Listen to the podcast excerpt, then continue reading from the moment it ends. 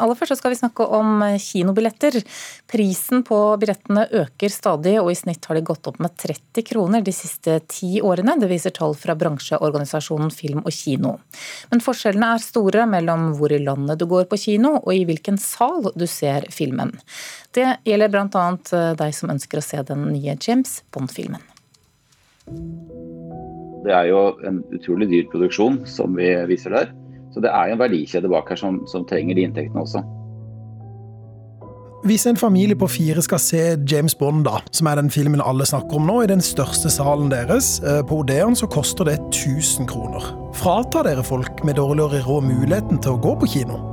Nå kan du jo gå og se den samme filmen til eh, vesentlig lavere pris, bare at du velger en annen sal. I should have known. Mange har hørt Billie Eilish synge sin James Bond-låt på kino de siste dagene. No Time To Die har satt besøksrekorder. Folk er villige til å betale for stadig dyrere kinobilletter. Bare de siste ti årene har de gjennomsnittlige prisene økt med 30 kroner, ifølge tall fra bransjeorganisasjonen Film og Kino. Rundt 120 kroner er nå snittprisen. Og prisene varierer nå mye mellom hvor i landet du ser filmen, hvilken film du ser, og hvilken sal du velger å se filmen i. Svaret på hvorfor det er sånn, er bl.a. dette. Store og fine saler med gjerne litt ekstra, om det er lenestoler eller Screen X med lerret på tre sider, eller Imaxen, IMAX-en, som er den store flaggskipet hos oss. Sier Jon Einar Sivertsen i Odeon kino, som eier mange av kinoene rundt omkring i landet. Flere kinoer tilbyr nå ulike konsepter som skal gi noe mer enn en vanlig kinoopplevelse. F.eks. konsepter der skjermen er bredere og går lengre ut, både til venstre og til høyre. Og da koster opplevelsen mer. Grunnen til at prisene varierer så mellom ulike filmer, lar vi Jannike Haugen, sjefen for den andre store kinokjeden Nordisk Film Kino, forklare. James Bond, som vi karakteriserer som en storfilm, eh, den har noe høyere pris. Hvordan definerer dere en storfilm, da? Eh, det definerer vi i forhold antall eh, forventet besøk. Så på de filmene dere forventer mer besøk, så setter dere en høyere pris? Ja, for dette er eh, etterspørselen er enda høyere for den filmen. Men hvorfor koster det 40 kroner mer å se James Bond i den største salen i Arendal i kveld, sammenlignet med å se han i storsalen på Klingenberg kino i Oslo? Ja, for det, er da den største salen i det området i Arendal. Så alle storsalene våre eh, har vi en ekstra pris for. Og da regnes ikke Klingenberg kino som en storsal. Ja, og så var det pandemien, da. Haugen sier at prisene ikke har endra seg som følge av pandemien. Men det sier Sivertsen i Odeon kino. Både vi som kinodriver, men også hele verdikjeden i bransjen med produsenter og distributører, eh, de trenger de pengene de kan eh, få nå. Men er det altså sånn at hvis dette er snakk om tilbud, etterspørsel og en pandemi vi har vært igjennom, så kan da prisene på sikt gå ned hvis folk nå løper tilbake til kinoene? For en mer normalisert situasjon så vil vi også kunne ha, ha normaliserte priser også.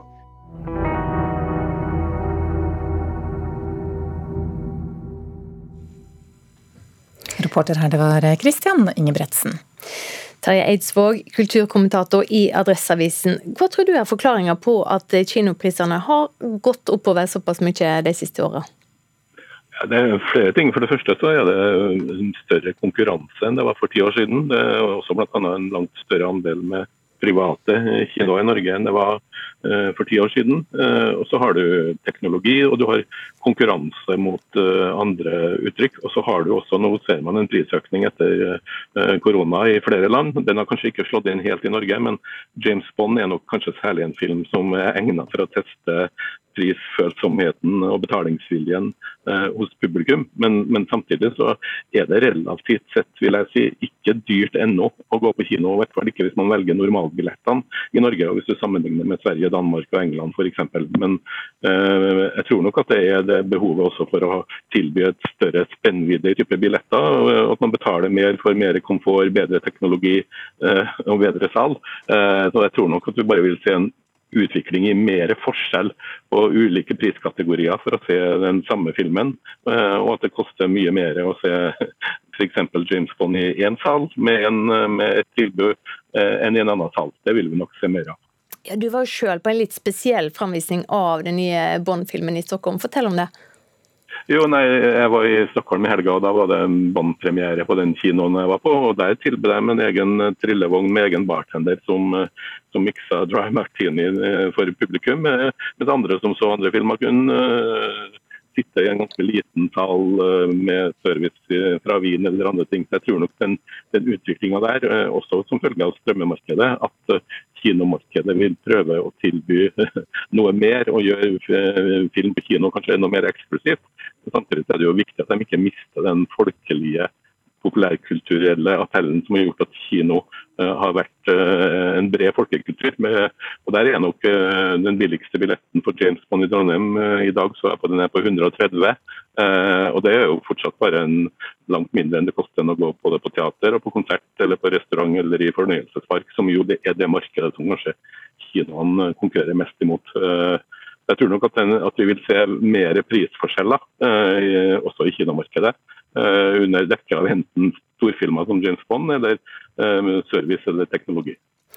Men eh, altså For en familie på fire så kan det faktisk koste 1000 kroner å gå på kino hvis foreldre og to, to barn skal se film sammen. Er det greit at det blir så dyrt? Eh, jeg jeg syns jo det høres uh, mye ut. Uh, og det er jo, Jeg tror nok at kinobransjen skal være, og filmbransjen være opptatt av at man ikke støter folk bort pga. prisnivået. Derfor så er det kanskje vel så viktig å se på hva er normalprisen. at den samme familien også kan se James Bond for i alle fall mye under det hvis man velger de rimeligere billettene. og Det ser man jo også på, både på teater og andre. og så tror jeg kanskje også i større grad det vil komme gruppetilbud i Norge, slik man ser i andre land. Man har jo familiebilletter på, kanskje mest på barne- og familiefilmer. Eh, men jeg tror nok at eh, filmbransjen nå er, er, lete ut måter å, å sjekke betalingsviljen. Og, og, Det ser vi nå kanskje særlig gjennom differensierte billetter. Da. Men uh, mm. klart at hvis normalbilletten uh, havner på et sånt nivå, så vil, uh, så vil fort hjemmekino for mange bli et, et, i hvert fall økonomisk langt billigere alternativ. Mm. Takk for at du var med, Terje Eidsvåg, kulturkommentator i Adresseavisen. Bergen Filharmoniske Orkesters sjefsdirigent Edward Gardner har vunnet det klassiske magasinet Gramophones prestisjetunge tittel 'Recording of the Year'. Vi har jo tidligere hørt at utgivelsen vant i klassen for operainnspillinger, men denne prisen gjelder altså på tvers av alle kategorier. We are here to investigate the cause of death of your apprentice, William Spode, whose body you brought ashore from your boat, the boy Billy, Kulturreporter Siamak Nematpour, hva betyr denne prisen? Så Hvert år så arrangerer Gramophone, som er et av verdens aller største magasiner innenfor klassisk musikk, The Gramophone Awards. Og Der feirer de de beste artistene, de beste stykkene og opptakene innen klassisk musikk. da. Så den prisen er jo veldig veldig høythengende. Eh, og mange sammenligner det egentlig med en Oscar-utdeling eller med The Emmys. Ok, Så Gardner har rett og slett vunnet en eh, slags Oscar? Ja, det er jo en måte å se det på. Eh, Edward Gardner vunnet prestisjetung tittel 'Recording of the Year' for, på tvers av alle kategorier. Og det tenker jeg personlig er det samme som at Ane Dahl Torp skulle vunnet eh, en Oscar, eller at Karpe skulle vunnet en Emmy da, for, sitt, for sitt neste album. Men hvem er Edward Gardner? Så Gardner er, en, eh, er, han er internasjonalt anerkjent for, eh, som en av de ledende dirigentene i sin generasjon. Eh, ble født i England og vært sjefsdirigent for Bergen Filharmoniske Orkester siden 2015. Og har også ledet flere forestillinger ved Metropolitan Operaen i New York siden 2010. da. Så jeg tenker hvis man er glad i klassisk musikk, så hører man ferdig Nyhetsmorgen for det i dag. Og så går man over til NRK Klassisk, og så får man sikkert en god del Gardner der, da. Tusen takk skal du ha, Siamak Nematpour. Skal vi handle om Jostein Gaarder og ny bok? Ja, for de som kjenner til Jostein Gaarder sitt eh, forfatterskap, så vet en at det ofte handler om filosofiske tanker.